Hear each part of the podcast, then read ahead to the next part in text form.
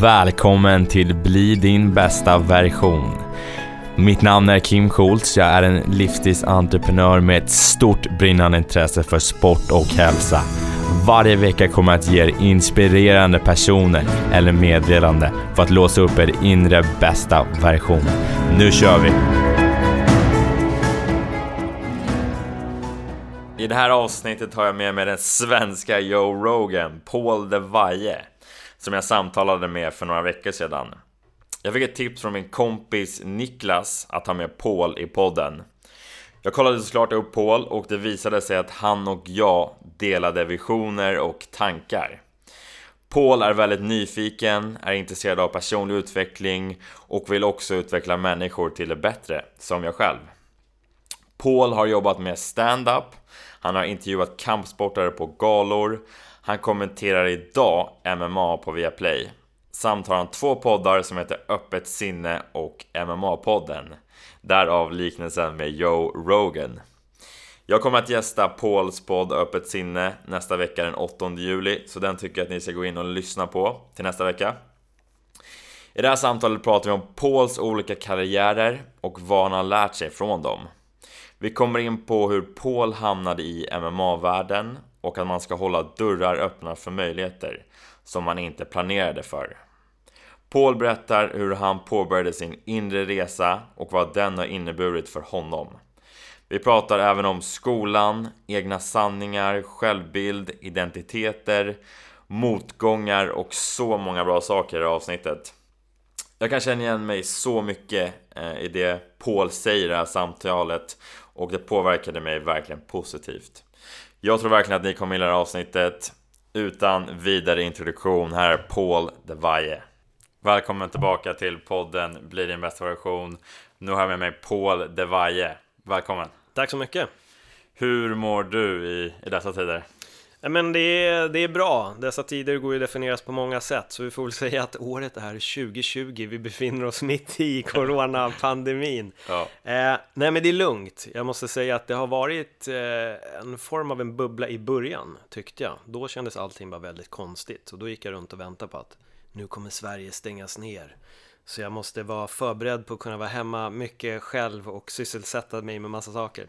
Men det hände ju aldrig riktigt. Och eh, nu istället är vi inne i juni, solen skiner, det börjar bli varmt. Det känns som att folk nu eh, börjar förtränga lite situationen vi befinner oss i. Eh, så just idag måste jag säga att det är, det är väldigt bra. Jättevarmt när jag gick hit, så jag hoppas på att få bara njuta av lite sol sen. Mm. Efter när vi är färdiga här om drygt en timme eller kanske tre timmar. Kanske fem. kanske fem. det är en person som har kallat mig Joe Rogan. Okay. Men jag tänker ju, sen när jag liksom fick veta vem du var, då tänker jag bara att du är den riktiga Joe Rogan. jag menar, du, du kommenterar MMA, ja. du har en MMA-podd, du har en egen podd som heter Öppet sinne, mm. eh, du har varit komiker, du känns ju verkligen som, som Joe Rogan. Har du fått den? Eh, många gånger kan jag säga att jag har fått den. Jag fick ja. till och med den när jag bara körde stand-up och ändå jobbade med MMA. Ja. Redan då började folk säga att jag var en svensk Joe Rogan. Eh, och jag minns, det var väldigt roligt, för jag, hade, jag var ring announcer åt en eh, fighterorganisation här i Sverige som heter Vision, Vision Fighting. Och det var då, de gjorde ett samarbete med ett gäng från Skottland. Och jag hade gjort mitt, eh, mitt announcement och det var första gången som skottarna såg mig. och de tyckte jag var jättebra och ville ha med mig till deras event också i Skottland. Och då fick de höra att jag även var stand-up komiker. Och då sitter jag en bit bort och hör dem prata och jag bara He was a good announcer and he's a fucking Joe Rogan man! He's a stand-up comedian! och det tyckte jag, det var så jävla klockrent så jag började garva själv. Jag bara, ja. men okej, när, när, folk från Skottland börjar kalla mig för, en, för, för Joe Rogan, då, då kan jag ta på mig det. Men när bara polare säger det, då är det så här, ah okej. Men jo, jag har hört det väldigt, väldigt mycket och jag tror att det har blivit ännu mer nu också sen jag har börjat göra min podd Öppet sinne. Ja. För då går alla saker hand i hand. Nu kör jag inte stand-up längre då, som du nämnde, men mm. ja, det är, det är många likheter med Joe Rogan, ja. Ja. Det är det absolut. Jag har hår på huvudet, det är väl det enda som särskiljer oss kanske. Det är skillnad. Shit vilken bra accent du hade, den, eh, du lät lite som Conor McGregor. Ja det var sjukt bra accent. Har du varit i Irland mycket eller? Nej aldrig. Jag, men jag gillar, jag gillar att leka med dialekter. Ja. Eh, och jag gillar även att leka med språk. Just det. Och jag är en sån som, om jag lär mig några ord på ett språk så har jag väldigt lätt att till slut få det att låta väldigt, väldigt, väldigt korrekt. Um, och jag vet inte vad det beror på. Jag, jag har ju varit trespråkig sedan jag var barn med både svenska, spanska och engelska kom ganska snabbt också. Och sen har jag bara varit så här dialektnörd. Jag älskar att leka med det. Jag kan göra det mycket när jag är i Spanien också. När jag lyssnar på tv och har folk från andra städer så gillar jag att hitta. Jag brukar säga att för att pricka en dialekt eller ett annat språk så finns det alltid ett visst ljud. Det finns oftast en liten nyans där man sticker iväg i en dialekt eller i ett annat språk. Och hittar man den, då kan man ganska snabbt börja imitera den här dialekten. Då. Så det är oftast det jag letar efter, den här böjen. Som är här, En där. böj alltså. Och när, ja, och när jag har hittat den, då är det så här, nu.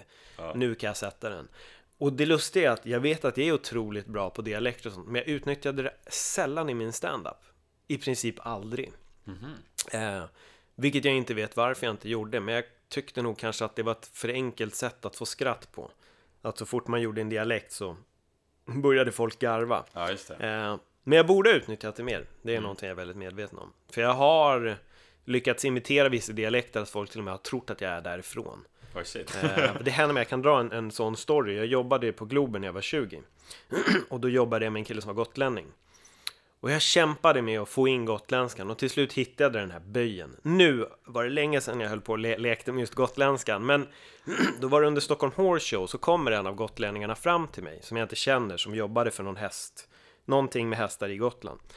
Och då säger han till mig Jo, eh, vi har, eh, vår flagga har försvunnit. Har du, har du sett den? Så jag kollar och jag bara, nej tyvärr, jag har inte sett er flagga, men om du vill så kan jag titta efter den. Och han kollar på mig med världens blick och jag tänker, oj shit, nu blev han förolämpad. Den här killen lackade ur för att jag, oh, för att jag härmar gotländska och så tittar han på mig och bara, ah, okej, du har inte sett den. Jag bara, nej, nej, det har jag inte, men jag kan, jag kan kolla efter den om du vill. Jag kan absolut hjälpa dig och, och, och leta efter den. Han bara, ah, okej. Men eh, du är gotlänningar eller? Och då började jag garva. Jag bara, okej shit, han trodde att jag var gotlänning på riktigt. Jag bara, nej, jag jobbar med Leif. Han bara, ja Leif! För såklart visste de ju vem han var. Ja. Eh, och det är några gånger där jag har gjort sånt här, även med andra språk. Att jag har blivit väldigt bra på, på själva dialekten, att folk har trott det, att jag är därifrån. Som ett ex till mig var fin, finska. Och jag lärde mig några ord på finska, så när jag var hos dem så hälsade jag på hennes mamma på finska. Och då frågar hon sin dotter på finska då, är det säkert att han inte är finländare? Hon bara nej, nej, alltså han härmar bara, han kan bara fem ord. Hon bara, men det är lite för bra för att inte vara finsk liksom. Så det var, det var som fem, sex ord som du lärde dig? Ja, exakt. på det. Ja. Och sen kunde du inte någonting? Nej, men jag kunde till exempel så här, mina hållen i Spanien in Napoli, jag är din spanska granne. Ja. Eh, och det är också, det är något så udda att kunna. Och jag tror det är det som, det som slår undan fötterna lite på folk. Men, så här, men varför kan du det? Annars är det ju typ en svordom eller något. Eh, men jag kunde jag, jag, jag lär mig oftast väldigt udda meningar. Jag lärde mig på polska också. Eh, karta kreditowa i podpis cinque. Och det kan jag få Shit. ditt kreditkort och din signatur tack. Och det sa jag till en polack när jag sålde abonnemang här för några år sedan. Eh, då sa jag det, Svojom karta kreditowa i podpis cinque. Och då kollar han på mig bara och började prata jättemycket polska. Och jag bara, jag kan inte, jag kan bara den här meningen. Han bara, alltså vad fan, han bara, du pratar lite för korrekt och kan verkligen det mest udda av meningar. Så det är, en, det är en perfekt grej att ha med sig, kunna några fina och udda ord på olika språk och så kan man slänga med dem och då har man vunnit över folk direkt. Ja, övertygat dem helt. Bara shit, han är, Exakt. han är också polack som jag. Exakt. Från Hej, polski Joe Rogan, ja! Precis. Vad, jag tänker mer när du pratar om din så här. Det, det låter som, du använder inte det i din standup då. Men vad lärde du? Du har ju varit komiker och liksom Ja. hållit på med standup. Vad, vad har du lärt dig från, från den tiden? Skulle säga? Oj, det är egentligen väldigt mycket. Um, alltså det har ju gått på ett sätt att, att vara komiker och göra det jag gör idag. Det är två saker som går väldigt hand i hand. Dels är jag ju otroligt van vid att stå och prata framför folk. Jag har inget problem med det alls. Jag gillade att improvisera väldigt mycket när jag körde stand-up också. Jag gillade att prata med publiken.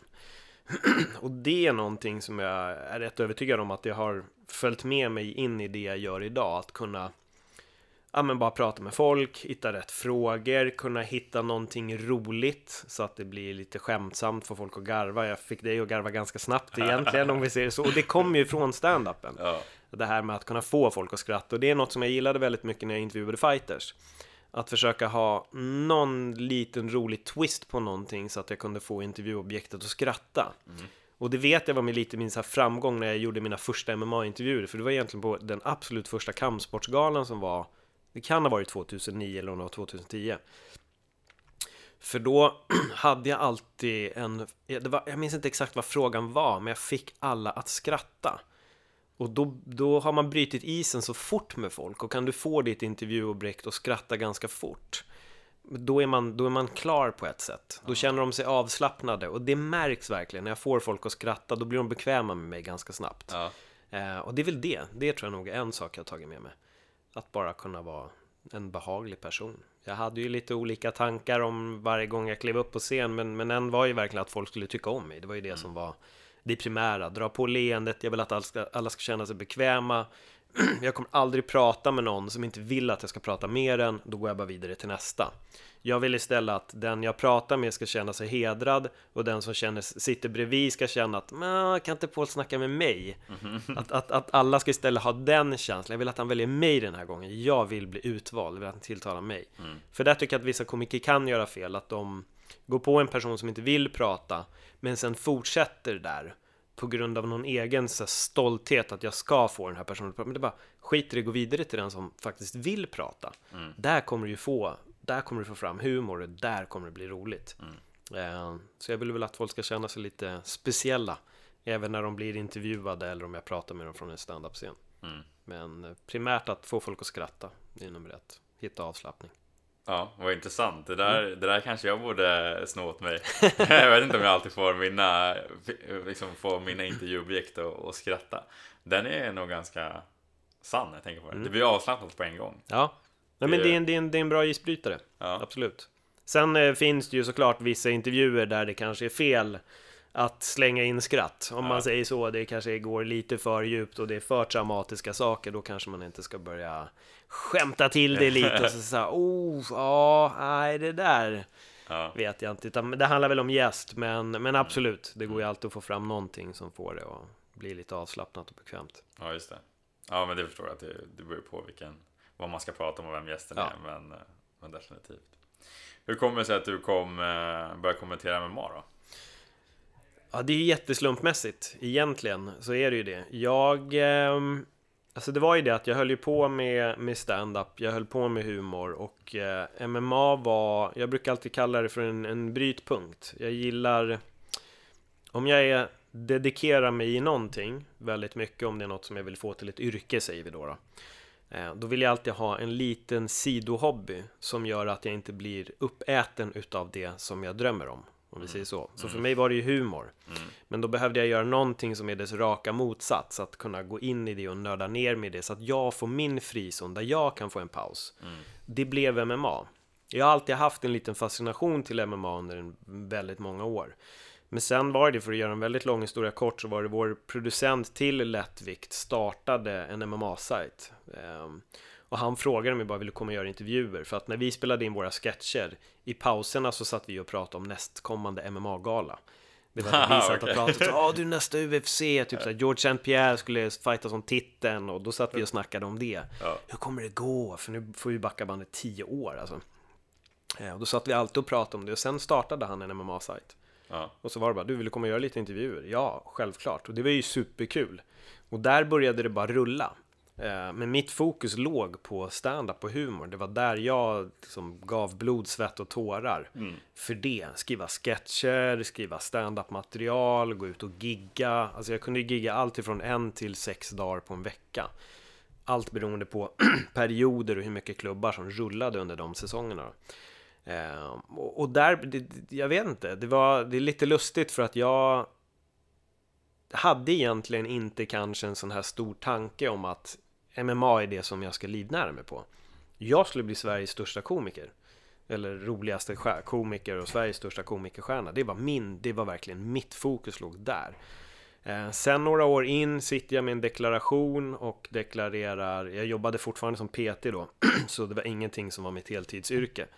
Men då hade jag tjänat 60 000 kronor på MMA under det året och jag hade gjort 2 000 kronor på stand-up. Oj, ja det var ganska ja, stor skillnad. Och det, jag tror att det var där någonstans som jag började tänka att fast vänta nu, nu är det ju någonting som är lite snurrigt här för att här lägger jag ner hela, hela min själ. Här gör jag ingenting och får hur mycket som helst. Jag låg aldrig på för att få någon form av jobb. Jag tjatade aldrig på någon för att få någon form av jobb. Jag var med på allt de gjorde. Och det sa jag från början. När ni än ringer mig så kommer jag alltid att ställa upp. Mm. Jag kommer följa med er på exakt allt. Um, för jag tyckte det var otroligt kul. Och då finns det här Do What Comes Easy. Och då kände jag någonstans att undra vad som händer om jag börjar lägga lite mer vad händer egentligen om jag kanske börjar lägga lite krut på MMA-biten? Mm. Uh, men det är väldigt, alltså det låter ju taskigt mot alla som drömmer om att sitta kanske i den positionen där jag sitter idag. Att säga att det är väldigt slumpmässigt att jag hamnade där. Mm. Men det är så många som det har varit så slumpmässigt för när de har hamnat i andra situationer med. Ja. Så jag tror ändå lite att om du är en person som jobbar dedikerat och passionerat för någonting så ska man inte bli helt förvånad om någonting vid sidan om öppnar upp sig. Mm. Och då kanske det är dit man ska gå. och det var MMA för mig. Um, som sagt, jag har inte jag har inte försökt sparka upp dörrar för att landa där jag är. Jag har hamnat där och nu jobbar jag på ett helt annat sätt. Men det är väldigt mycket slump att jag är där jag är idag. Det är väldigt mycket tur och lite bra omständigheter som har, som har satt mig där. Men jag kan ju skryta själv och säga att jag är jävligt bra på mitt jobb, så jag förstår ju varför jag är där också. Mm. Och allting, som jag säger ändå, liksom all stand-up, allt skådespeleri, allt det där har ju hjälpt mig att faktiskt göra ett bra jobb där jag är idag. Som jag har sagt tidigare, jag tror det var Josef Fares var med i, eh, när jag var programledare för MMA-panelen, och då sa han det, du är bra programledare. Då sa jag tack, men vet du vad hemligheten är? Ja, men vadå? Det är att jag är riktigt bra skådespelare. Jag vet hur jag ska spela programledarrollen. Han bara, ah, okej, okej. Och jag tror att det är det jag alltid har kunnat göra. Jag, jag fattar på något sätt hur en kommentator ska vara, hur den ska låta. Jag kan se hur andra jobbar och, och ta det och applicera det på mig. Samma med stand-up. Jag kan se vad som gör en bra stand-up-komiker. Det, det jag gillade att göra när jag höll på med stand-up, det var inte bara att bryta ner folks skämt. Vad är det som gör att folk garvar här? Utan jag kunde titta på tio olika komiker och ta ut tio olika detaljer. Typ Dane Cook, otrolig showman, egentligen ganska kastmaterial. Men han har sån jävla likability att bara han säger ja, ah, har ni tänkt på popcorn? Så, ah, wow, ja, jo, jag har tänkt på popcorn! Och så börjar man garva. Eh, och sen hade vi en kille som hette That Fan som bara har en otrolig mimik. Han hade ett sätt att jobba med gester och pauser som jag varit helt fascinerad av. George Carlin som har fantastiskt material istället, hur han skriver det. Och det gillar jag att titta på. Vad, är, vad har de för unika bitar i sitt yrke som gör att de blir så pass bra? Och det kan jag sitta och studera. Och sen försöka sno de här bitarna och applicera dem till mig. Okej, okay, likability. Vad ska jag göra för att folk ska tycka om mig? Hur ska jag bete mig? Ja, jag ska absolut inte gå upp och vara dryg i sådana fall. Vad vill jag förmedla? Vil, vil, vilken, vilken persona vill jag att de ska se och falla för på scen? Eh, och jag tror att det är allt sånt där som jag har kunnat plockat och sen applicerat på mig själv när jag väl gör ett visst jobb. Så är jag programledare, då kommer jag vara programledare. Är jag gäst i ett program, då kommer jag vara gäst. Då kommer jag ha den, då kommer jag ta för mig mycket mer. Men om jag leder, då leder jag. Mm. Och jag tror att det är där folk kanske inte riktigt förstår ibland när de tittar på ett program, att de vet bara att det är tre pers. Och det kan flyga över huvudet på vissa att en är faktiskt programledare. Men sen har du de som tittar noga som ser, ah, den här personen leder, wow vad snyggt han styr så att den får prata, den får prata, den får komma fram, den får göra så här, där kommer han med sin input. Jag vet att han vet allting men han ställer frågorna så att de här personerna får skina. Mm. Eh, och så ja, jag tror att det är det jag har kunnat göra. Jag är nog duktig på att se de här små, små bitarna i människor och sen applicera det på mig själv. Mm. Wow.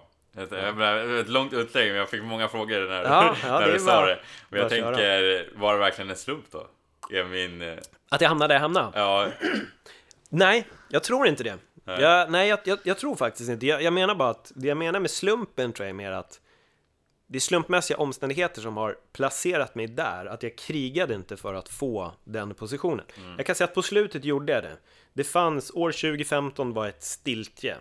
Eh, jag sa upp mig som PT, jag började kränga mobilabonnemang på Mediamarkt, jag höll inte på med stand-up, jag jobbade inte med MMA. Den organisationen som jag kommenterade då på Viaplay, den, eh, de producerade inga event alls. Så det var, 2015 var ett väldigt konstigt år för mig, ett år där jag kände mig bara otroligt vilsen. Då började jag ligga på, då hade jag möten med då vissa människor ifrån då sportredaktionen. Eh, och där började jag lägga lite press att jag ville in och jag ville få hjälp, jag ville jobba med media, jag ville komma in i huset. Sen får jag ju samtalet då att första januari, eller 2 januari 2016, då kör vi vårt första UFC-event. Vi har rättigheterna i fyra år. Då var jag så här, åh, äntligen, nu, nu händer det. Ja. Eh, så att sista året började jag ändå lägga lite så här, jag vill in här, jag vill, jag vill komma in, snälla hjälp mig. Eh, och till slut blev det av, så jag menar visst, sista året har jag pushat lite, men jag hade nog fått samtalet ändå, tror jag. Mm. Eh, men nej, jag, som jag säger, jag tror att är man passionerad och dedikerad och riktar sig åt ett håll så ska man fortfarande inte bli förvånad när det börjar öppna upp sig grejer åt sidan. Och det är kanske dit man behöver titta då. Mm. Och jag tror att jag har nog alltid varit redo för kringelkrokarna för att i, i grund och botten det jag ville bli, det var skådespelare. Alltså jag ville ju vara, jag ville ju leva Joel Kinnaman-livet som han lever nu. Det var min, min vision från början. Men det har varit många sneglingar åt ett annat håll som har öppnat upp så otroligt mycket andra dörrar. Um, jag tror bara att det har format mig till den jag är idag. För jag tror att jag var nog inte riktigt ämnad för att bara skådespela. För det har hänt så mycket mer i mitt liv efter det. Alltså bara det här med att podda som du och jag gör. Alltså det är fantastiskt. Sitta och intervjua människor och jag vet inte, mitt tänk har öppnats upp på ett annat sätt. Jag insåg att jag kan både skriva humor och innan var det bara, jag vill skådespela. Jag är inte den som kan skriva. Jag är inte den som kommer på sketcher, även fast jag hade fantasi. Eh, så som sagt, många, många sidor, många kringelkrokar för mig har lett mig till dit jag är idag. Är det slump? Nej, vem vet? Det kanske är menat. Det är någonstans öppnat fler dörrar då också, låter det som. Verkligen. Nej, men alltså verkligen. Och det är inte bara rent karriärsmässigt, utan det handlar verkligen om så här, min egen utveckling eh, har öppnats upp otroligt många dörrar. Ett helt nytt sätt att se på både livet och min egen karriär och nu har ju inte jag skådespelat på jättelänge men jag är övertygad om att idag, på grund av allt jag har lärt mig, allt jag har förstått om livet, så är jag en bättre skådespelare idag än vad jag var då och sånt. Eh, så ja, jag är, jag är glad att det inte blev som jag hade hoppats från början. Utan jag, jag, jag tror att det här är, jag, det här är nog rätt, rätt väg där jag är på nu. Det känns som det? Ja, men det, det mm. gör verkligen det. Det gör det. Vad skönt, vad ja. härligt. Mm. Jag tänker att det, jag tror jag kan också ja, men relatera till det. Jag tror många kan relatera till det. Mm. Att man har en passion, man har driv för någonting. Mm. Jag ville bli fotbollsspelare när jag var yngre. Mm. Sen var jag skadad och tappade den, den drömmen någonstans. Uh, och då visste jag inte vad jag skulle göra. Jag hade ingen aning vad jag skulle göra. Det var min identitet någonstans. Mm. Uh, och uh, sen började jag nyfiket bli intresserad av personlig utveckling också. Uh, började ställa mig själv frågor. Började lyssna på poddar. Började utveckla mig själv. Och sen någonstans så, så började jag podda själv. Mm började jobba som coach, blev nyfiken och Ja, det händer ju. Jag tror att många springer på en, på en vägg någonstans och sen för att man kanske oftast hamnar någon annanstans. Vissa kanske springer på den här väggen hela tiden och lyckas där. Men eh, jag tror att det, jag kan definitivt känna igen mig i det du, i det du berättar. Ja, men och, och jag tror det med. Jag, det är det här som är och det är väl det här jag gillar på något sätt, lite som med dig med, med, med fotbollen och sen ledde det dig någon helt annanstans. Och det intressanta är att jag tror att det finns folk som inte ser vad som händer i periferin, att det kan öppnas upp något här.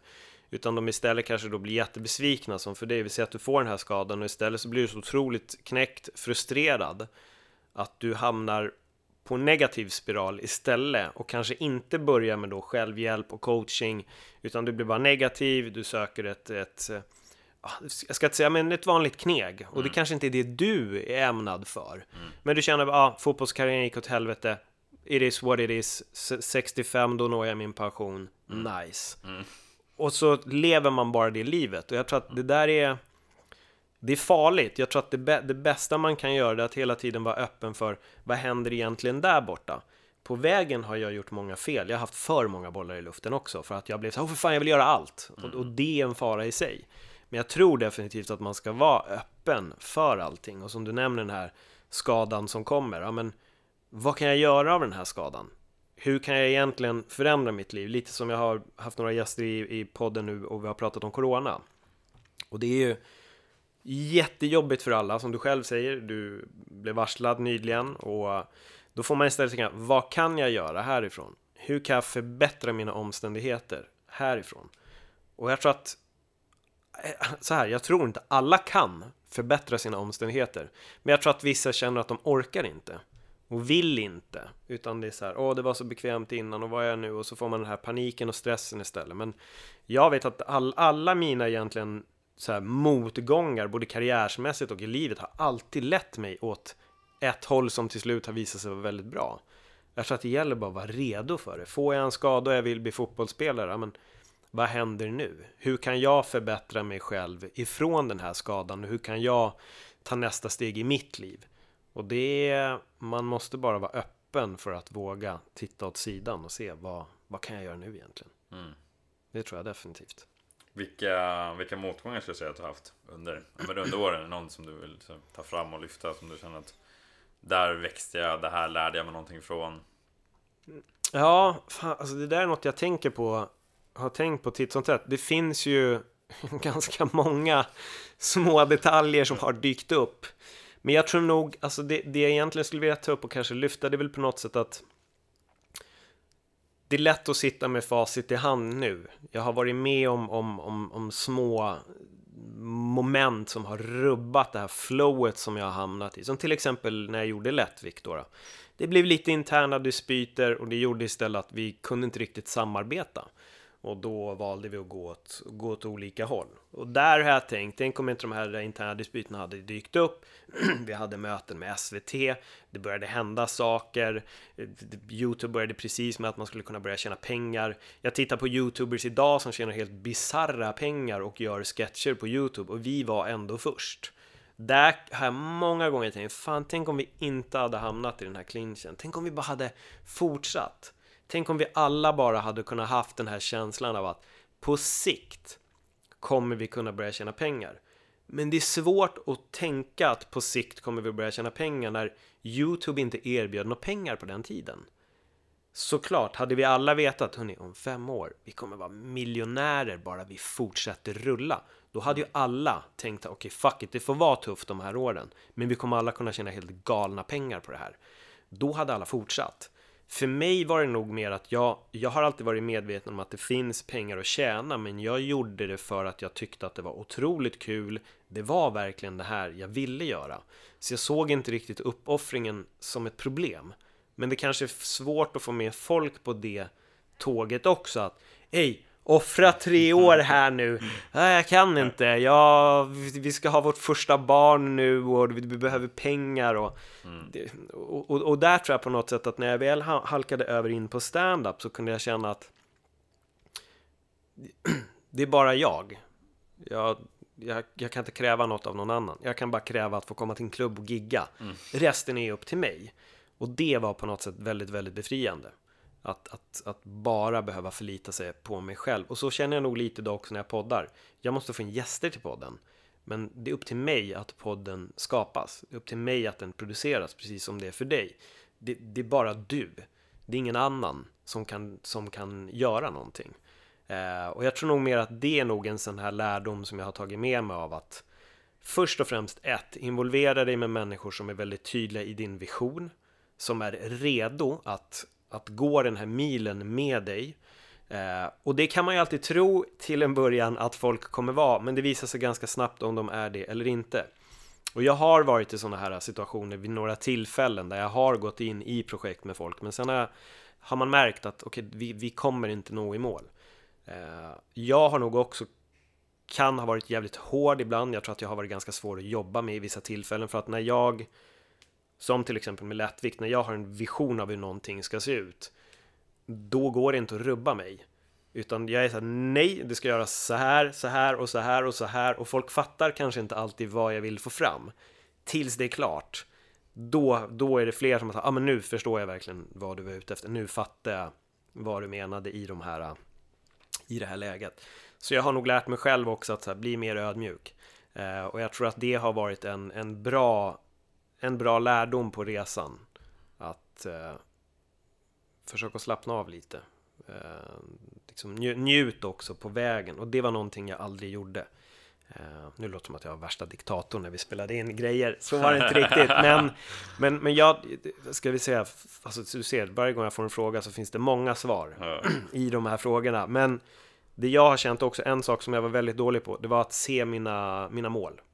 Eh, jag var väldigt dålig på att fira mina milstolpar. Och det är någonting som jag verkligen har gjort idag. Idag firar jag dem jättehårt. Som när jag nådde 100 unika gäster till min, till min podd. Då, då firade jag det. Det var så, nu nådde jag målet. Yes, fan vad bra. Du är så jävla grym. Klapp på axeln Paul. Härligt, fortsättning kör vi. Men förut var det när jag hyrde Boulevardteatern, sålde ut 199 platser. Så jag sa okej, okay, eh, det är gjort. Vad fan händer nu? Eh, och så såg jag inte vad jag faktiskt hade åstadkommit. Så jag har blivit bättre på att titta tillbaka i mitt liv och se idag att så här, wow, alltså, jävlar vad jag lyckades med grejer. Fan, vi fick till hela julkalendern under Lättviks julkalender. Jag fick till det här, jag fick till det här, jag fick till det här. Så att de är involverade med människor som tror på din, på din vision. Fira allt, sätt upp milstolpar som du verkligen firar ordentligt och kom ihåg att det är en resa och inte bara en destination. För jag var bara fokuserad på destinationen så att jag missade hela resan. Eh, jag var bara fokuserad på var jag skulle och när jag väl kom dit, då kommer jag börja leva det här livet som jag vill leva. Sen gick det nästan 7-8 år och jag insåg att fuck, jag har inte ens tagit en semester eller suttit och pratat med polare och bara pratat livet. Och där kom ett skifte för mig också. Så, ja. Jag kommer inte ens ihåg vad du frågade, men fan vad bra svar du fick. Ja, det var ett jävligt bra fråga. Det var, det var kring motgångar. Men det, vi bara lärt dig kring dina motgångar. Mm. Jag får också därför mig att tänka på eh, hur, hur blev du medveten om det då? Men att du ville, ja men jag vill någonstans njuta, jag har bara liksom mm. kämpat till mina mål och sen när jag väl uppnått dem så har jag liksom har jag förbisett dem någonstans, mm. då är det bara nästa mål. Hur har du blivit, eh, utifrån hur har du blivit medveten kring det? Jag är jättemedveten om var det kom. Det här är, det är en sån skev situation egentligen. Så jag ska bryta ner så att man verkligen får en så fin liten historia. Jag, det finns en eh, UFC-fighter som heter George St. Pierre. Mm. Som var Kanadas största fighter. Han är en av världens bästa fighters. Han kommer in i Hall of Fame nu i sommar. Han var i Sverige. Jag visade honom en bild när jag står på händer på en pilatesboll. Och det leder till att han och jag börjar latcha min pilatesboll på Pankreas gym här i Stockholm. Det här filmas, det läggs upp på Youtube och det är en kille från Kanada som, twi som twittrar till mig och skriver ah, så cool bollträning med Paul Levi och GSP. Han var den enda som skrev det, så jag svarar. Vi börjar skriva lite och det visar sig att han är typ jag i Kanada. Han jobbade för en MMA-blogg och han skrev lite inlägg och gjorde lite saker åt dem. Så jag sa, ja men fan coolt, jag följer honom. Eh, jag börjar följa honom på Instagram, han lägger upp träningsbilder när de gör sig redo för Tough Mudder. Det här kan ha varit 2011, 2012 där omkring tror jag. Så det fanns inga obstacle races här i Sverige. Och jag tyckte det där såg så häftigt ut. Så jag frågar, när, när ska ni springa det här loppet igen? Ja men vi drar nog igen i september tror jag. Eh, då åker vi förmodligen till Seattle, de här bor i Vancouver. Så jag tänkte, alltså jag måste göra det här. Så jag säger till honom, men du om jag åker till Kanada, kan jag springa mer? Han bara, skämtar du? Vill du komma hit och springa loppet med oss? ja, ja, alltså ja, det här är det coolaste jag har sett på länge. Jag måste göra det här. Han var okej, okay, vi känner inte varann, men om du kommer till Kanada, då kan du bo hos mig. Du, du, du får bo med mig och, och min fru och våra barn liksom. Ja, absolut. Jag bokar min resa, jag sticker till Kanada. Under den här tiden spelade jag in tre stycken poddar i veckan. Jag hade Lättvikspodden, jag hade Straight Outta Sweden-podden, jag hade Fredagspodden, jag körde stand-up hela tiden, jag jobbade med MMA, jag jobbade som PT heltid. Det fanns inget liv, det fanns bara karriär, yrke, fokus, vision, mål och framtid för mig. Eh, åker till Kanada, och eh, helt plötsligt där blir jag uttagen i naturen. Vi går på långa hajkar, vi går upp för berg, vi gör verkligen allt möjligt. Och helt plötsligt där och då så får jag känna att är det så här, är det här livet? Fan, jag har ju umgåtts med otroligt mycket komiker, otroligt mycket MMA-människor, sköna människor. Men jag har fan inte umgåtts med alltså vänner på ett sätt vi har inte gått ut och bara satt oss och njutit och snackat om livet och bara så här, hur mår du idag? Utan allting har bara varit fokus på var vi ska. Allt har bara varit målinriktat. Um, och när jag är på den här resan så får jag, jag, jag känner verkligen där att jag har inte levt. Jag har bara gått och tänkt på var jag ska i livet och vad jag ska uppnå. Jag har hela tiden skjutit fram mitt liv till i framtiden. När jag tjänar de här pengarna och när jag har den här karriären. Då kommer jag kunna leva och då kommer jag kunna göra det och köpa det här huset och träffa den perfekta kvinnan och bla bla bla. Så man kan slänga in så mycket liksom, saker som skulle hända då. Um, och det var ett rejält uppvaknande och jag kände att vad håller jag egentligen på med? Vad fan är det jag håller på med? Vad är det jag jagar? För jag lever ju inte nu. Jag lever för att leva sen. Um, och det slutar med att när jag kommer hem ifrån den här resan, och det är så roligt för när vi väl har gjort det obstacle courses så frågar Jeremy mig, han bara, men Paul, var allting som du trodde med det här obstacle courset liksom? Var, var det så häftigt som du hade trott? Jag bara, nej, det, det var verkligen inte det. Men ni har fått mig att uppskatta livet och det har inte jag gjort på flera, flera år. Jag har bara levt i framtiden. Men ni har fått mig att inse att det, det finns ett liv att leva nu. Um, så när jag kommer hem, jag slutar producera alla poddar, alla lades ner. Jag la några månader senare ner stand-up och jag fokuserade för första gången i mitt liv att ha en enda boll i luften och det var att jag ville skriva en roman. Jag ville skriva en humorroman och jag hade en idé och jag var så här, jag skiter i allt, jag kommer bara skriva den här boken. Det är det enda jag ska göra. Eh, undrar inte var ni kan köpa den för den är inte publicerad. men, eh, men jag skrev den i alla fall och jag har sedan dess skrivit en annan bok också och det är egentligen humor. Men eh, jag måste bli bättre på att skriva. Så hemligheten är inte att idén är dålig, men mitt skrivande har inte varit, var inte då så jävla bra. Men, det, men det var där. där, där vände det rejält och där började jag ifrågasätta mig själv på otroligt många plan och det var verkligen det här vad är det egentligen jag håller på med? Vad är det jag jagar? För det är, inte, det är inte ett hälsosamt sätt jag jagar det på just nu. För att jag skjuter bara upp mitt liv totalt. Eh, jag åkte knappt på semestrar. Det var, jag vet en tjejkompis sa det till mig för jag sa till henne, men nu, nu är jag ledig från, från jobbet i tre veckor, PT då. Eh, nu kommer jag kunna sätta mig och skriva, nu kan jag jobba mycket på mitt material, nu kommer jag kunna öva på det här, kommer jag göra det. Och så tittar hon på mig och säger, så du menar att när du har semester, då ska du jobba? Ja, exakt, nu är ju tid att göra det. Ja, men Paul, du förstår att det är nu du behöver stänga av.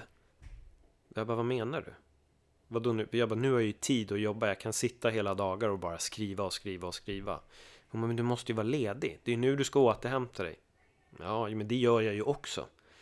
Och det är det där, jag fattar verkligen vad hon menar idag och jag kunde inte se det då. Jag kunde inte se det.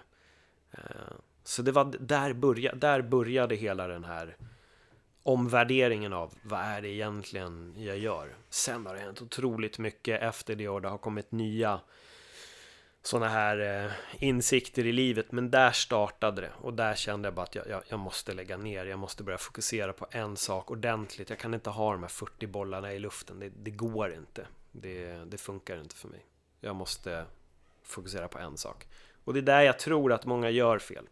Eh, man vill så mycket och man vill vara med på allt. Men det gör också att ingenting, allt blir bara halvdant till slut. Och det märkte jag med min standup med. Det är så här, fan, jag hela tiden skulle producera poddar, jag skulle göra det, jag skulle göra det och så skulle jag gå och uppträda och till slut kände jag, jag sitter inte och skriver material. Varje gång jag sätter mig och skriver så vill jag hellre skriva på den här boken. Jag går upp och kör grejer som jag egentligen... Det, det, det som låste mig i min standup var lite att jag ville jag ville få folk att garva och jag ville få folk att tänka. Jag ville få dem slänga iväg ett budskap så folk ändå skrattar men ändå tänker till. Och jag insåg att jag når inte det. Men när jag skrev längre historier, då kunde jag komma in i det här att, dit att folk blir så här, tänk om. Um, så nej, det var Kanada. Det, det, den resan förändrade mitt liv på många, många plan. Glory Canada då alltså. Ja, helt galet. Helt Då är du tacksam för, för Kanada tänker jag. Ja, och jag har ja. vänner för livet. Alltså ja. jag har åkt dit, jag åkte ju dit bara fem månader senare så var jag där igen. Eller nio månader senare var jag där igen. Mm. Eh, de har varit här och hälsat på mig. Jag var där två gånger förra året. Jag åkte dit både i januari och sen i juni, juli var jag där igen. Eh, nej, det är verkligen, verkligen riktiga vänner för livet. Varje gång jag kommer dit så känns det som att jag kommer hem igen. Vilket är helt galet. Jag har bara varit där fyra gånger, men, men jag känner verkligen som hemma i Kanada. Eh, och efter den resan var jag så här, fan, fuck it, jag flyttar till Kanada alltså. Vad ska jag göra här? Jag kan lika gärna starta om allt. Men då började det öppna upp sig också med lite grejer. Det började bli lite mer MMA och jag var så nej men jag kan faktiskt inte dra nu. Mm. Då, då måste jag starta om allt igen och det vet jag inte om jag vill. Mm. Ja. Får se om det blir Kanada i framtiden då kanske? Kanske, pensionen kanske. kanske. Vem ja. vet? Det, det eller jag har ju Spanien också, men ja. något av dem. Något av dem blir det. Du börjar komma in här på den här inre resan. Mm. Eh, där du egentligen börjar titta inåt. Vad är viktigt för dig? Hur kan jag må bättre någonstans? Ja. Eh, hur har du gjort för att, ja, du påbörjade den sessionen nu, men hur har du gjort för att mm. bli en bättre version av dig själv skulle jag säga? Våga, våga analysera sig själv. Det är det jag har vågat göra. Jag har vågat titta på mig själv. Alltså jag, jag gillar att, och det är svårt, men försöka sätta mig utanför mig själv och se mig själv. Vad är det jag gör? Eh, hur är mitt beteende egentligen? Vad, vad gör jag? Vilka fördelar har jag? Vilka nackdelar har jag? Vad, vad finns det som är positivt och negativt i mitt liv? Vilka tankemönster är bra och vilka tankemönster är dåliga? Och det är nog lite det jag har försökt jobbat med. Jag har själv analyserat mig själv Alltså verkligen både fysiskt, vi har haft strul med knät Så jag har verkligen analyserat hela kroppen, hur jag går, hur jag står, vilka muskler skjuter inte Och sen har det gått över till att säga, okej, okay, fast hur funkar jag egentligen i pallet? Vad är det jag gör? Hur mycket stress lägger jag på mig själv? Hur tänker jag? Och yoga och mycket meditation öppnade verkligen upp de här äh, dörrarna för mig Poddar, precis som du nämner också Eh, intressanta samtal fick mig att tänka till och, och testa nya saker i mitt eget liv. Wim Hof har gjort jättemycket med hans andningsövningar och kallduschar och, och eh, hela den biten då. Men just en, en, en självanalys. Jag tror att jag har sagt det många gånger, men det är först när du kan erkänna det för dig själv att du egentligen är en jävla skit. Då kan du börja någonstans. Men de flesta vill inte det. De flesta vill nog bara titta på sig. Jag är så jävla bra, alla andra är så här. Men jag har mina bra sidor och väldigt dåliga sidor och jag började bara titta inåt otroligt mycket och började ransaka mig själv. Vem är jag egentligen? Och som vi var inne på lite innan vi började podda med identiteter. Jag, var, jag klamrade mig fast vid att jag var komikern eller PTn eller MMA-Paul. Och jag var aldrig Paul. Sen när jag stod och krängde abonnemang så var det så här, oj, jag säljer Paul nu, helvete, det här är ju inte jag. Men där kom jag också till insikten att fast jag är ju faktiskt bara Paul hela tiden. Jag råkar bara jobba med något.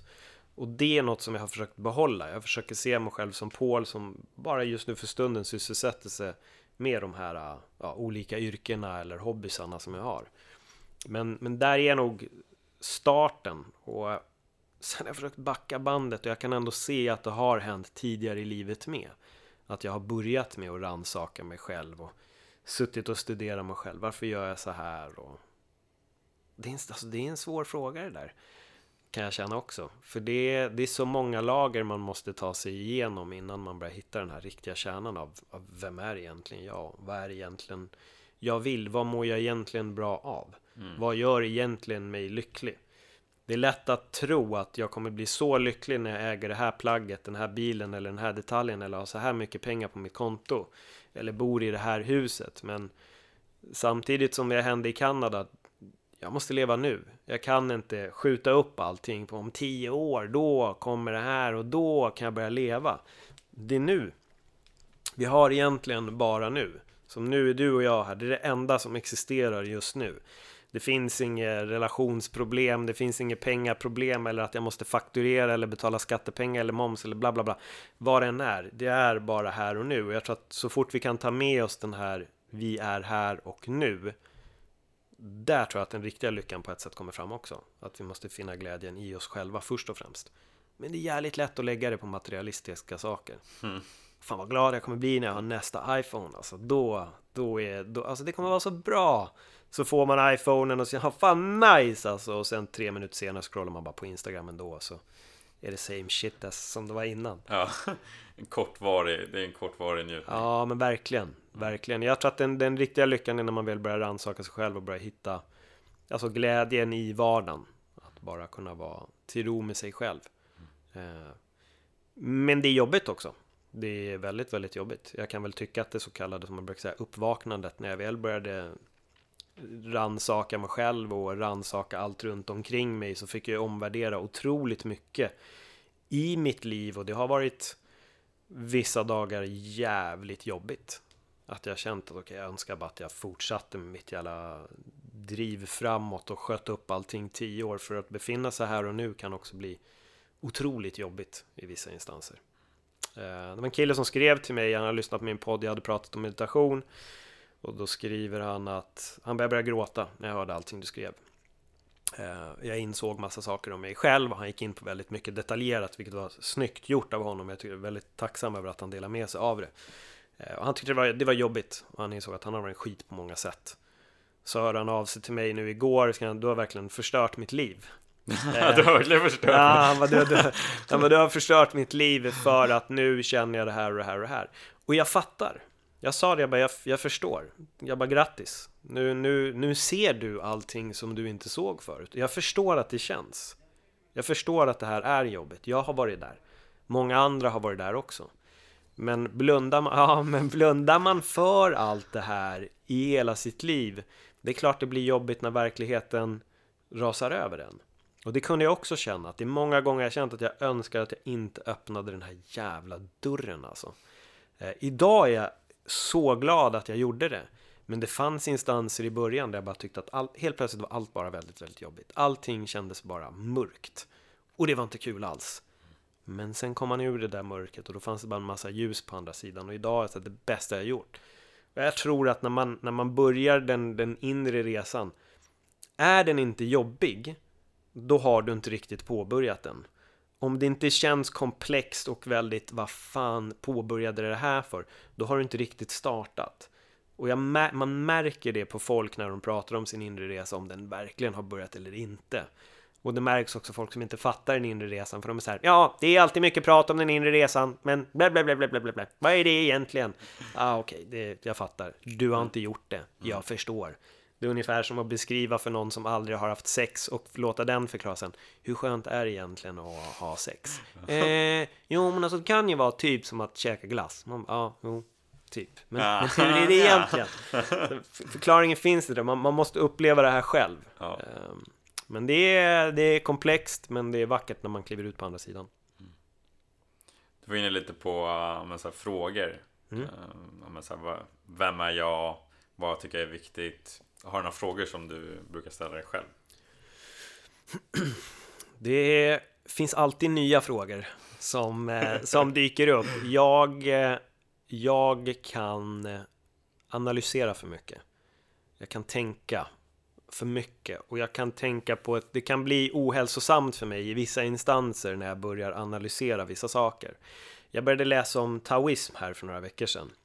Va, vad är det? För att jag vet inte. Eh, det är från Kina. Ja. Och det är då Lao, jag tror det är Lao Tzu. Jag blandar alltid ihop eh, två författare. Lao Tzu. Men daoism är, eh, du kommer känna igen massa av citaten. Det är en liten bok bara. Ja. Som handlar om daoism. Och där fanns det ett citat som är Slipa kniven för mycket och den blir slö. Och det landade så hårt hos mig. För jag känner att det är många gånger jag har gjort det. Jag kunde applicera just den lilla meningen på mig själv direkt. Jag gick och garvade för jag var ute och gick. Och jag går och skrattar för mig själv. Det är så simpelt. Men jävla vad det resonerar med mig.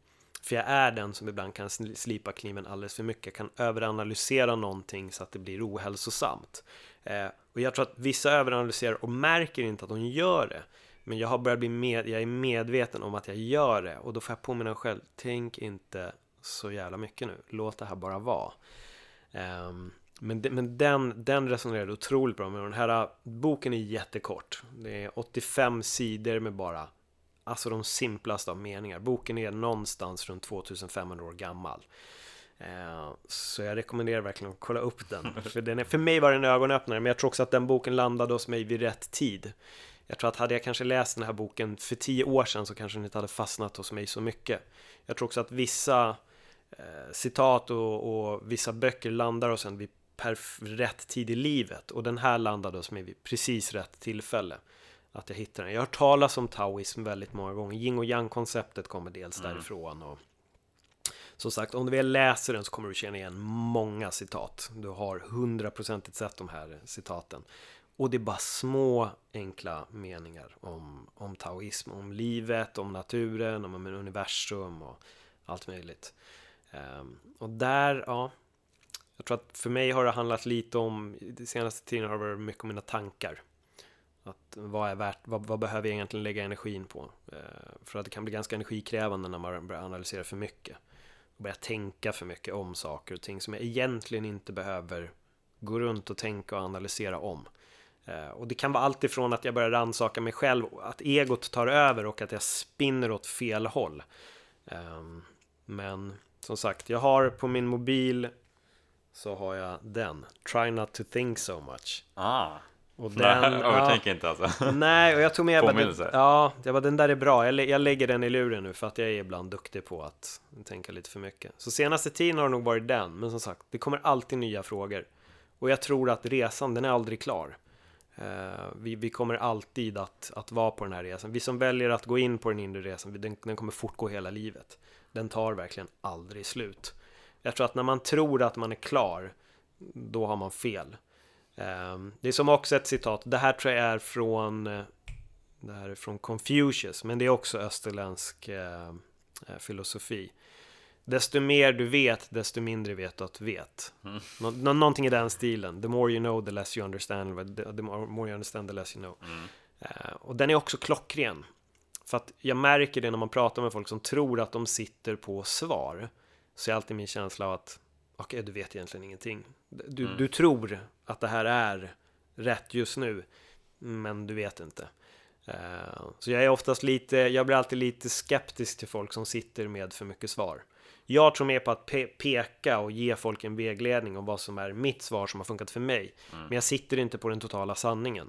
Det är min sanning. Den, den, det här funkar för mig och det jag tycker idag, jag kanske inte tycker det imorgon. Mm. Jag kanske kommer gå en helt annan väg vad gäller hur jag tänker och resonerar imorgon. För jag vet bara mina förändringar från fem år sedan till idag och hur, hur annorlunda jag tänker och ser på livet idag. Eh, vi pratade lite om vi och dom koncept förut. Jag var väldigt insnöad på vi och dom förut med. Idag har jag brutit mig loss vi och dom och fattat att men det är vi. Mm. Vi är här. Så länge vi tror att det är vi mot dem, då kommer vi aldrig lösa någonting. Det går inte. Du kan inte ändra någon som står på dom-sidan. Och alla är experter på att göra det. Men det har varit en lång resa för mig att tänka så, att komma in till den så här. När jag säger det kommer folk till, ja ah, det är klart jag fattar att man inte kan tänka vi och dem. Men gör du verkligen det? Förstår du verkligen det konceptet på riktigt? Jag tror att ibland kan vi säga någonting, men har du inte fått den riktiga insikten, då vet du egentligen inte. Och det är där jag tror för mig har det handlat om mycket så små insikter som har kommit på vägen. Som har fått mig att omvärdera både livet, väldigt mycket tankarna om mig själv. Jättejättemycket. Vilka, du pratar om sanningar. Mm. Det, om du skulle säga två sanningar som är sant just nu för dig. Vad är, vad är sant för dig just nu? Eh, att jag trodde att jag visste och idag vet jag inte. Det är nog en av de största för mig och det har mycket att göra med lite så skolgång, vad jag lärde mig, min syn på skolan, min syn av hur strukturen funkar. Eh, jag gick ut med katastrofala betyg, jag ville egentligen plugga teater, mina betyg tillät mig att gå bygg och då vart jag inslussad på bygg. Det var ingenting jag ville och då är frågan varför kräver bygg skitbetyg? Måste du vara dum i huvudet för att jobba med bygg? Nej, det måste du inte, det är ganska viktigt. Hela infrastrukturen i alla länder är otroligt viktig. Varför är det skitbetyg som krävs för att gå dit? Jo, för att vi behöver knegare. Eh, jag landade där och jag drog därifrån väldigt snabbt också. Men hela skolgången för mig har varit lite att det är klockrent om du är akademiker, gå skolan och göra skitbra där. Jag var inte det. Jag var en drömmare, jag var en teaterapa, jag levde i den världen. Men det, den sidan hos mig fick aldrig någon form av bekräftelse i skolgången. Utan jag fick söka den bekräftelsen externt. Inte bekräftelse kanske, men den tillfredsställelsen var jag tvungen att söka externt. Jag har haft svårt i skolan. Jag har tänkt på så mycket annat. Så jag gick ut med en sanning om att jag eh, kunde egentligen inte skriva. Jag eh, var kanske inte jättesmart. Jag var kanske inte kreativ nog att göra saker. Jag var ingen som läste böcker. Så min självbild var otroligt förstörd när jag gick ur skolan. Men sen insåg jag ju på sikt att jag kan läsa, jag älskar att läsa, jag älskar att ta till mig information, men jag vill ta till mig den informationen jag vill. Jag vill inte lyssna på en lärare som går upp Hej barn, slå upp sidan 52, romarriket, blö blö blö blö blö blö blö blö blö blö blö blö blö i en timme och sen bara okej, tack och hej. Och egentligen de som har snappat upp något, de som egentligen hade snappat upp det även om han inte hade stått där, eller hon. Så det var nog en, en, en, en sån grej som verkligen blev en väldigt så här ögonöppnare för mig. Att jag trodde någonting om mig själv som inte stämde efter att jag hade gått ut skolan. Min självkänsla efter plugget, den var kass alltså. Men jag var oerhört självsäker i mitt skådespeleri. Och det är något som har gett mig styrka, att jag har alltid vetat så djupt i mig själv att jag är så jävla bra på en sak. Och den kommer kunna vägleda mig rätt. Men sen insåg jag att jag kan ju för fan allting som folk inte trodde att jag kunde, det kan jag. Jag kan läsa, jag kan läsa böcker, jag kan ta åt mig information, jag är superkunskapsgirig, jag vill veta allt. Jag kan skriva, jag har skrivit skitmycket. Alltså mina lärare hade fan ramlat av stolen om de vet att jag hade skrivit tre stycken krönikor till Svenska Dagbladet idag. Att jag sitter på den positionen jag gör, att jag gör den podden jag gör, att jag plockar folks hjärna på det sättet som jag gör. Ingen lärare trodde det om mig. Som 13-åring fick jag höra att Paul, du kommer inte bli någonting. Det säger alla lärare om dig i lärarrummet. Aha, tack. Alltså, så, så det är verkligen en så här det du går, den känslan du går ut med efter plugget, kom ihåg att du kan så jävla mycket mer än, än vad du tror. Tro inte på dina betyg. Du är inte dina betyg. Om du gick ut med skitbra betyg, kul. Kör på det. Du är en akademiker. Nice, tummen upp. Men hur bra är du på fotboll eller teater? Ställ dig den frågan istället. Hur hade skolgången sett ut för dig om det var teater och idrott bara? Det hade sett väldigt annorlunda ut. Då hade det varit ombytta roller totalt. Eh, och det, det där är fel. Jag tror att vi, alla människor, har någonting som vi är mycket bättre på än andra. Vissa är akademiskt lagda, skitbra. Andra är mer konstnärliga. Och jag skulle nog då slänga ner mig själv mer i det konstnärliga facket i sådana fall. Så för mig, skolan, den gav mig egentligen ingenting mer än bara en jävligt dålig självkänsla. Jag har lärt mig läsa, jag har lärt mig skriva, jag har lärt mig matematik. Tack så jättemycket för det. Jag, det var fint. Men jag lärde mig allting sen ifrån livet, ifrån att själv söka kunskap. För min pappa sa till mig alltid på spanska El saber no ocupa lugar. Kunskapen tar ingen plats. Då förstod jag det inte. Idag har jag anammat det totalt. Jag älskar att ta till mig kunskap, jag älskar att läsa och jag älskar att konversera med människor som dig. Alltså det är bara rent. Det är det bästa som finns. Wow, alltså vilket jävla svar. Jag vill säga Wow, uh, jag kan känna mig så jävla mycket i det du säger. Kul. Uh, och jag hade svårigheter i skolan också. Mm. Uh, har dyslexi, hade svårt att läsa. Kan, alltså jag, jag lärde mig liksom läsa, skriva, matematik, mm. typ samma sak. Uh, hade inte jättebra betyg heller i skolan. Uh, fick dålig självkänsla. Lite, ja men någonstans när jag gick i gymnasiet fick jag finnar. Min självbild var väldigt dålig. Jag tyckte mm. jag såg inte riktigt bra ut. några år senare hamnade jag på krogen. började rymma för mina känslor, vågade inte prata ut om de här sakerna. Eh, och men egentligen var ute och Ja men söp kan man säga. Alltså mm. rymde för mina känslor, vilket jag tror många gör. Eh, och min självbild var ju, jag ser inte riktigt bra ut. Eh, det var den frågan som jag ställde mig själv.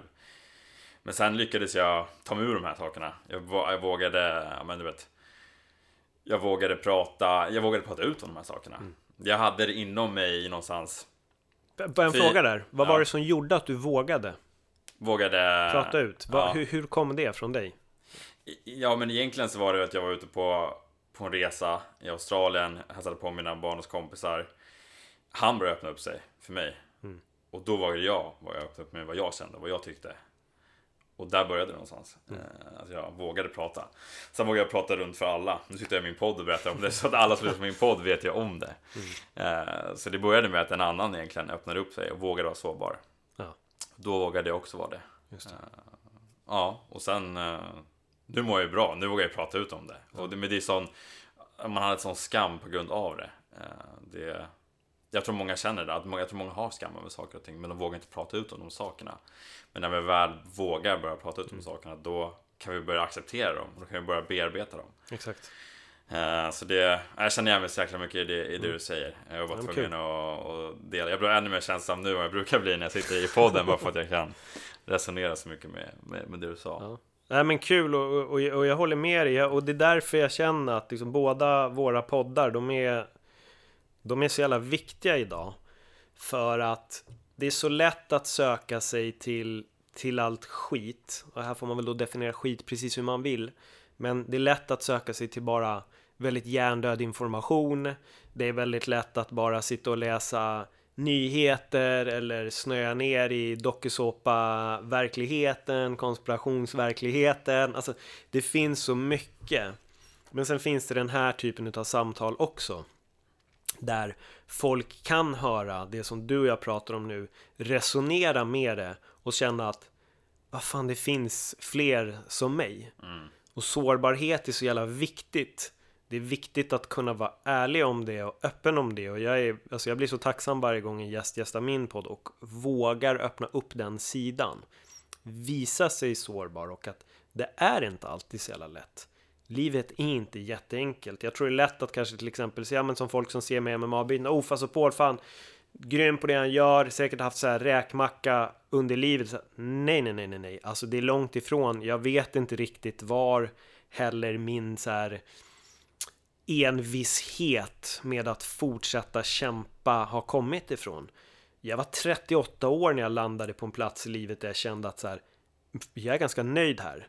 Eh, nu har jag äntligen nått den hållplatsen att jag gör något på dagarna som jag faktiskt trivs med.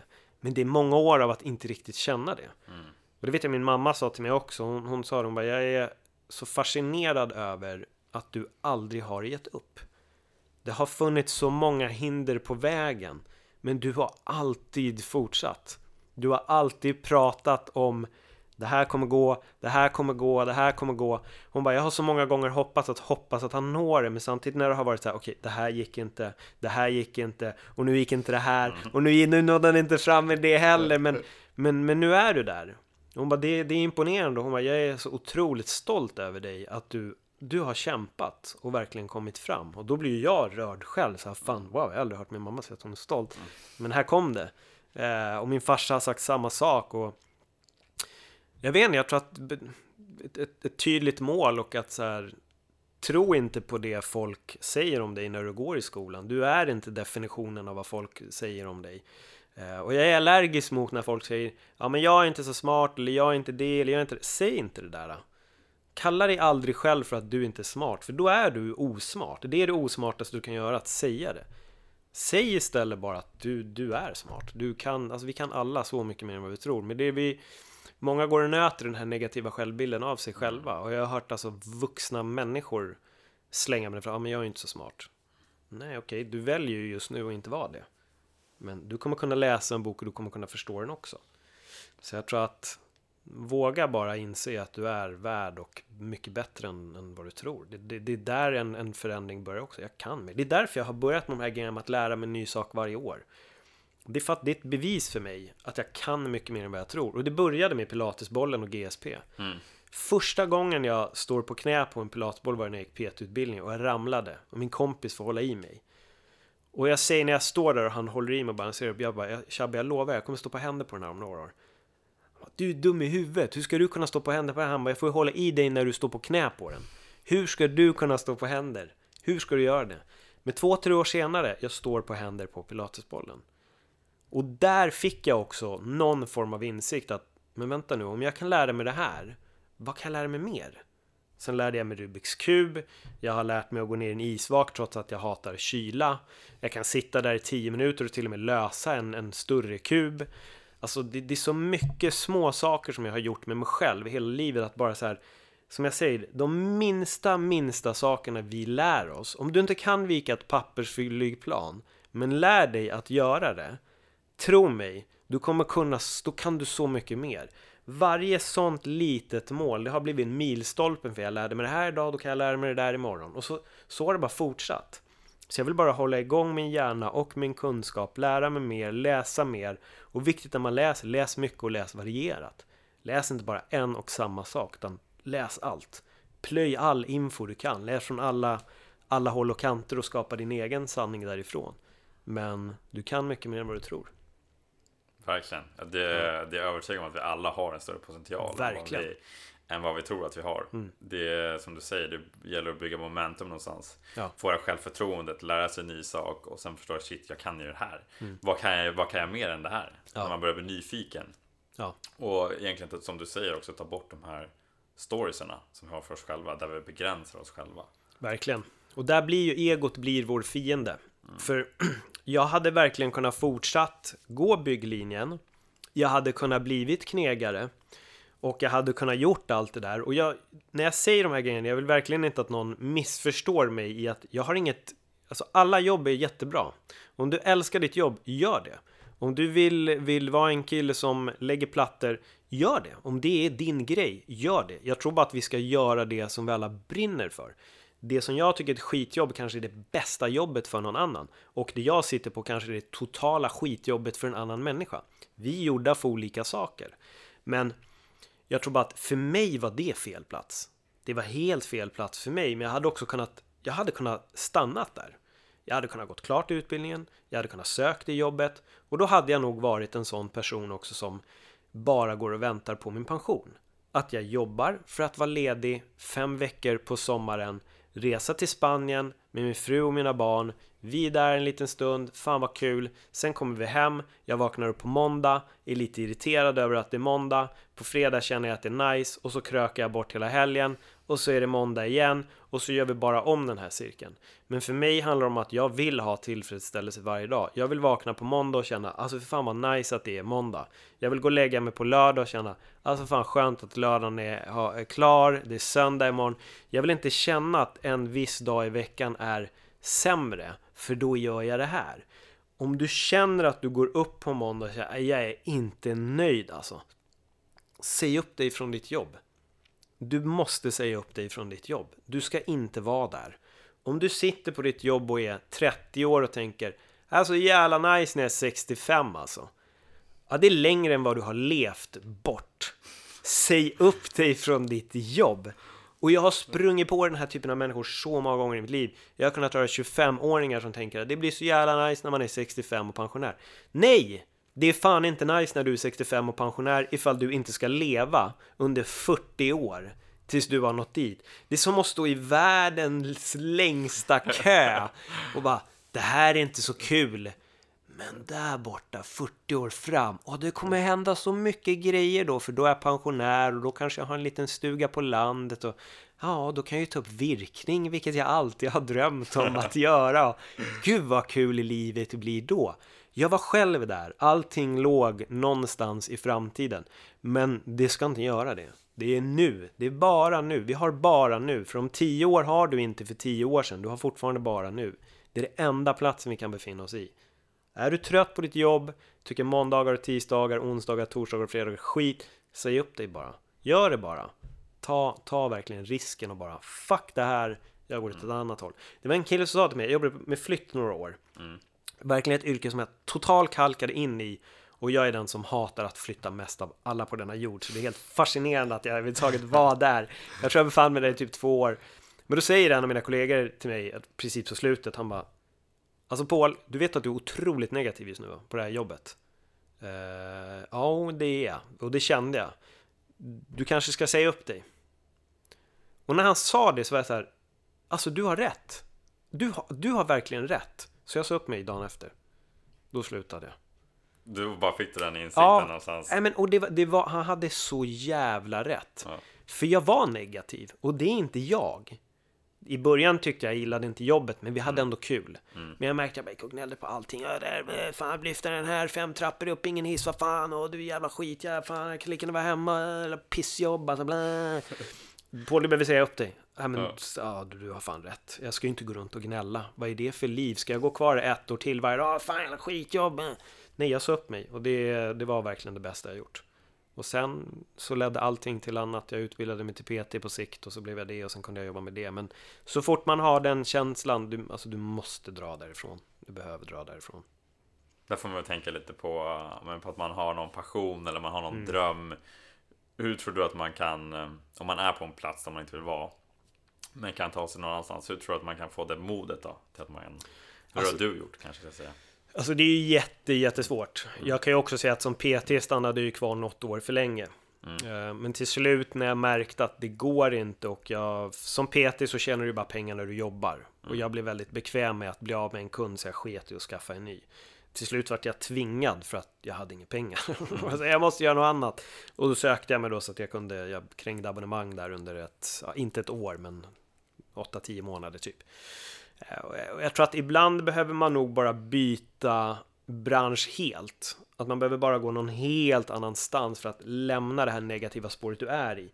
Jag tyckte ju att det jobbet var jättekul för helt plötsligt gjorde jag ju något nytt. Även om det inte var liksom mitt drömläge att vara i, men jag gjorde ändå någonting annat. Och det hjälpte mig. Jag tror att ibland kanske steget inte är bara att jag vill bli konstnär och nu säger jag upp mig från mitt bankjobb. Det kanske inte riktigt funkar. Men om man är negativ på jobbet kanske man faktiskt bara behöver byta bransch helt, göra någonting annat under ett år för att också få en känsla av vad man vill. Alternativt är bygga upp en buffert, spara pengar. Alltså pengarsparning är något som jag fick en insikt i väldigt, väldigt nyligen, så jag har ju börjat investera i aktier och sånt senaste året. Och där har jag märkt att det finns en möjlighet att också bygga en, en buffert och på så sätt få möjlighet att kunna göra mer av det man vill. Eh, så jag tror att spar pengar. Våga spara pengar. Det finns de som spar pengar som vet att de kan vara lediga i ett år bara för att ta reda på vad de egentligen vill. Och det är en bra idé, alltså spara pengarna. Fråga dig själv om du behöver köpa en kaffelatte varenda dag. Behöver du köpa en energidryck varenda dag? De pengarna på ett år, det är ganska mycket pengar. Det finns mer pengar att lägga undan. Majoriteten av oss som har ett, ett normalt jobb där man tjänar bra kan lägga undan x antal tusenlappar i månaden. Sen får man själv välja. Men på ett år kan det bli mycket och lägger du det i antingen fonder eller aktier, fonder är väl enklast om du inte vill investera i aktier. Pengarna kommer växa. Eh, så jag tror nog mer att bygga upp en buffert så har du ändå möjlighet, kanske inte vara ledigt år, men ändå några månader. Sondera terrängen på vad, vad kan jag egentligen göra? Men det är bekvämt att veta att man har en trygg tjänst och jag vet att det tar emot för många att lämna det. Det är väldigt obehagligt. Jag har vissa bekvämlighetszoner där jag kan hamna i, men jag har ändå varit beredd att, att byta riktning om jag behöver. Eh, så jag tror bara att se till att spara pengar och, och testa och bara lämna den här skiten som gör dig missnöjd. För man får nog fråga sig själv också, vad är mest värt? Att ha pengar på kontot eller vara missnöjd och vara missnöjd varje dag? Eller ha lite mindre pengar på kontot men vara nöjd? Jag tror att alla i slutändan väljer ändå på något sätt glädjen och jag tror att det är det man behöver göra. Ibland behöver du bara dra därifrån. Såvida du inte är 63 och har två år kvar till pension. Och då kanske du ska bita i det sura äpplet bara. Men, eh, men för oss unga, eller unga men... Alltså, oss som inte är 63. Ja, precis. Där, ja. där tror jag. Men om du har absolut, om någon säger hej kom till mitt jobb, ja men gå dit om du är 63. Do it, det är bara att köra. Ja, wow, vilken, um, vilken, bra, alltså, vilken bra förklaring tycker jag. Mm. Uh, det, det är någonting som jag också funderar på själv att jag vill göra någonting som jag tycker är kul och som, som är givande, något som jag känner där jag liksom gör någon skillnad och kan bidra. Mm. Och glädje som du säger. Ja. Jag tycker att det var jävligt bra det sista du sa där med att eh, om jag har massa pengar på kontot men jag är inte nöjd men har lite mindre pengar på kontot men ändå vara, vara nöjd. Vad, ja. vad är mest värd? Den frågan tror jag är Jäkligt bra Jo, och här har vi då stoicismen. Nu vet jag inte om det är Seneca eller Epitetus som säger det här, men han har sagt att man kan anse att det är galenskap när en person går och slänger pengar omkring sig. Så man, hur kan han kasta bort alla de här pengarna? Men han säger då att det är större galenskap än den som kastar bort sin tid. För att pengarna kan du tjäna igen, tiden får du aldrig tillbaks. Och det var någonting som landade väldigt hårt hos mig också. Att jag tänkte, alltså det där stämmer verkligen. Vi är experter i dagens samhälle på att bränna tid. Men vi är otroligt fokuserade på att tjäna pengar. Och vad är egentligen viktigast? Vi vet att vi alla kommer dö. Pengarna finns och pengarna finns att tjäna. Men om vi tar vara på tiden på samma sätt som vi egentligen vill ta vara på våra pengar så skulle jag nog gå hellre på att karpe tiden istället för att karpe pengar bara. Mm. Så fånga tiden också, se till att göra tiden viktig. Det jag menar med det här, vi har bara nu. I slutet av dagen så är det bara nu som gäller. Det finns ingenting om två minuter, men det där om två minuter. Men just nu är det bara nu. Vi kan mm. inte sitta någon annanstans i våra tankar, men vi är experter på att vara i framtiden, alternativt i det förflutna. Mm. Men vi är väldigt sällan här. Och det är där jag tycker att vi landar med till exempel meditation, eller börjar bli medvetna om att det är exakt nu som gäller bara. Det är det enda som finns i den här stunden. Ingenting annat finns. Din längtan av något eller ångest över någonting, den existerar inte. Jag gjorde en grej när jag jobbade som PT. Eh, när jag bokade upp kunder så fick jag ibland bara en liten paus på en minut. Och då vet jag att jag kunde känna mig nästan stressad över att oh, om en minut ska jag gå ut och jobba. Fan, jag har bara en minut, oh, en minut och så ska jag ut hmm. igen. Och, så bara, och jag satt och irriterade, grämde mig över den där minuten. Men så var det en dag, och jag vet verkligen inte var det kommer ifrån, men en dag, jag sätter mig ner och så tänker jag, fast jag har en minut och inte gör någonting. Alltså jag har en minut och bara helt slappna av, jag behöver inte tänka på något. Det är så långt bort, den där, att den där minuten tar slut, det är så långt bort. Så nu sätter jag mig här och jag gör ingenting. Och jag började göra det varje gång. Jag fick så mycket energi när jag gick ut till nästa kund av att bara tänka att jag har en minut till inget. Jag behöver inte ens tänka på nästa kund just nu. Jag är här och nu. I en hel minut. Åh, vad skönt. Gud vad skönt. Fick du träna på Ja, alltså var, ja, världens avslappning. Så när jag kom ut, kom jag ut med energi. Istället för att, ah fan, en minut. Åh oh, shit, 39 sekunder till nästa kund. Åh oh, nej! Åh oh, nej! Och så, oh, jag som egentligen bara vill ta det lugnt. Men alltså mindset. Man kan välja att, att, att vrida på så små omständigheter i sin vardag. Mm. Som kommer ge en jättemycket energi. Istället för att gå in med det negativa. Eh, så kom ihåg att när det är nu, då är det bara nu. Sen om det är fem minuter bort eller inte, ta den, ta den tiden och bara slappna av. Det är det bästa man kan göra. Okej, till en helt annan, helt ja, annan sak nu då. Eh, för att hoppa lite. Mm. Uh, vilka två saker som du vill att människor tänker på när de tänker på dig? När de tänker på mig? Mm. Fan, han var nog lite klok ändå den där Paul Elvaj alltså. Det, det, är nog en sak jag skulle vilja att folk eh, tänkte, men eh, nej, men jag tror nog det att Alltså jag, jag hoppas att folk ändå kan resonera med hur jag tänker och jag, jag hoppas verkligen att, att någon där ute också känner att fan, jag tänkte till. Jag kan, jag kan göra så här istället och nice. Kul att det kom från, det behöver inte bara vara mig, men, men någon annan där ute. Men, men det är väl det. Jag hoppas väl att folk kan ja, resonera med mina tankar och, och, värderingar och att folk kanske ändå tycker att fan, skön snubbe. Skön kille. Mm. Det är nog det. Jag tror inte det behöver vara mycket mer komplext än så. Nej. Uh, till sista frågan då. Ja. Hur tycker du man är när man är sin bästa version? Hur är man när man är sin bästa version? Då tycker jag nog att man gör det man egentligen vill göra. Att man lägger lite fokus på sina drömmar och mål. Sen får det vara exakt vad det är. Men sen bara behandla folk bra. Så var trevlig mot folk. Le. Prova, prova att le när man går ut. Alltså det gör så mycket. För jag var verkligen en sån som stirr. Jag var typiskt traditionell svensk trots att jag är spansk så var jag traditionell svensk och när man gick förbi sin granne så tittade man snabbt ner eller någon annanstans och sa inte hej. Men jag har vänt på det. Jag tittar upp på alla, jag ler. Jag kan le mot folk när jag går ute på gatan också eller tunnelbanan. Låt någon sätta sig istället för att du sätter dig själv och släpp ut någon innan du går ut i tunnelbanan. Markera bara att de kan gå ut först. Alltså det där det gör jättemycket och det är en sån sak som kommer ge tillbaka också. Så den bästa versionen låter gärna folk gå före och sätta sig först. Och sen våga, våga tro på dig själv. Det är nummer ett, alltså våga tro på dig själv. Även om du sitter där just nu och känner jag kan ingenting. Du kan någonting så jävla bra som du kommer kunna göra otroligt mycket bättre än mig. Men tro mig, jag kommer kunna lära mig det du kan. Precis som du kommer kunna lära dig det jag kan. Så är det. Sen har vi alla saker som vi kommer kunna vara en, en spetskompetens. Alla fotbollsspelare blir inte Zlatan. Nej, såklart. Så är det inte. Vissa har en otrolig spetskompetens redan gör. Men alla kommer mer eller mindre kunna spela fotboll i alla fall. Och, och, och, det kan man ta med sig till allt. Alla, alla kan vi lära oss. Mycket, mycket mer än vad vi tror. Jag är bevis på det, för jag gick ut med skitbetyg, jag hade en kass självbild. Jag har lärt mig så jävla mycket. Och jag vet att om jag dedikerar mig någonting och går in för det 100% då kommer jag lära mig. Oavsett vad det är, så kommer jag det. Ja, bra svar. Tack så mycket för att du, du var med. Ja, men tack så jättemycket. Kul. Det var väldigt, väldigt roligt att få gästa din podd. Det kul var, att få dig med. Vä väldigt, eh, väldigt bra och intressanta konversationer. Ja, spännande. Spännande. Det ska bli kul att lyssna. Ja. jag tycker det här avsnittet är så jäkla bra. Det finns så många grejer som jag kan relatera till. Till det som Paul säger. till att åkt iväg till en annan plats, eh, gjort en stor förändring, påbörjat den inre resan. Eh, jag menar att vi hade tufft båda i skolan, hur vi har tagit igenom våra motgångar. Äh, det finns så många grejer som jag tyckte var så jäkla bra i det här avsnittet.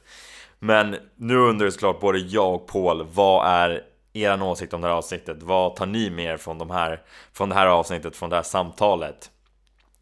Låt oss veta just vad du tyckte om det här avsnittet. Connecta med oss på sociala medier där både jag och Paul heter, jag heter Kim Schultz eller blir din bästa version. Det är bara att söka på Facebook eller på Instagram och Paul de Valle Paul de Valle heter han, men Paul de Valle eh, så, så ni stavar det eh, både på Instagram och på Facebook då.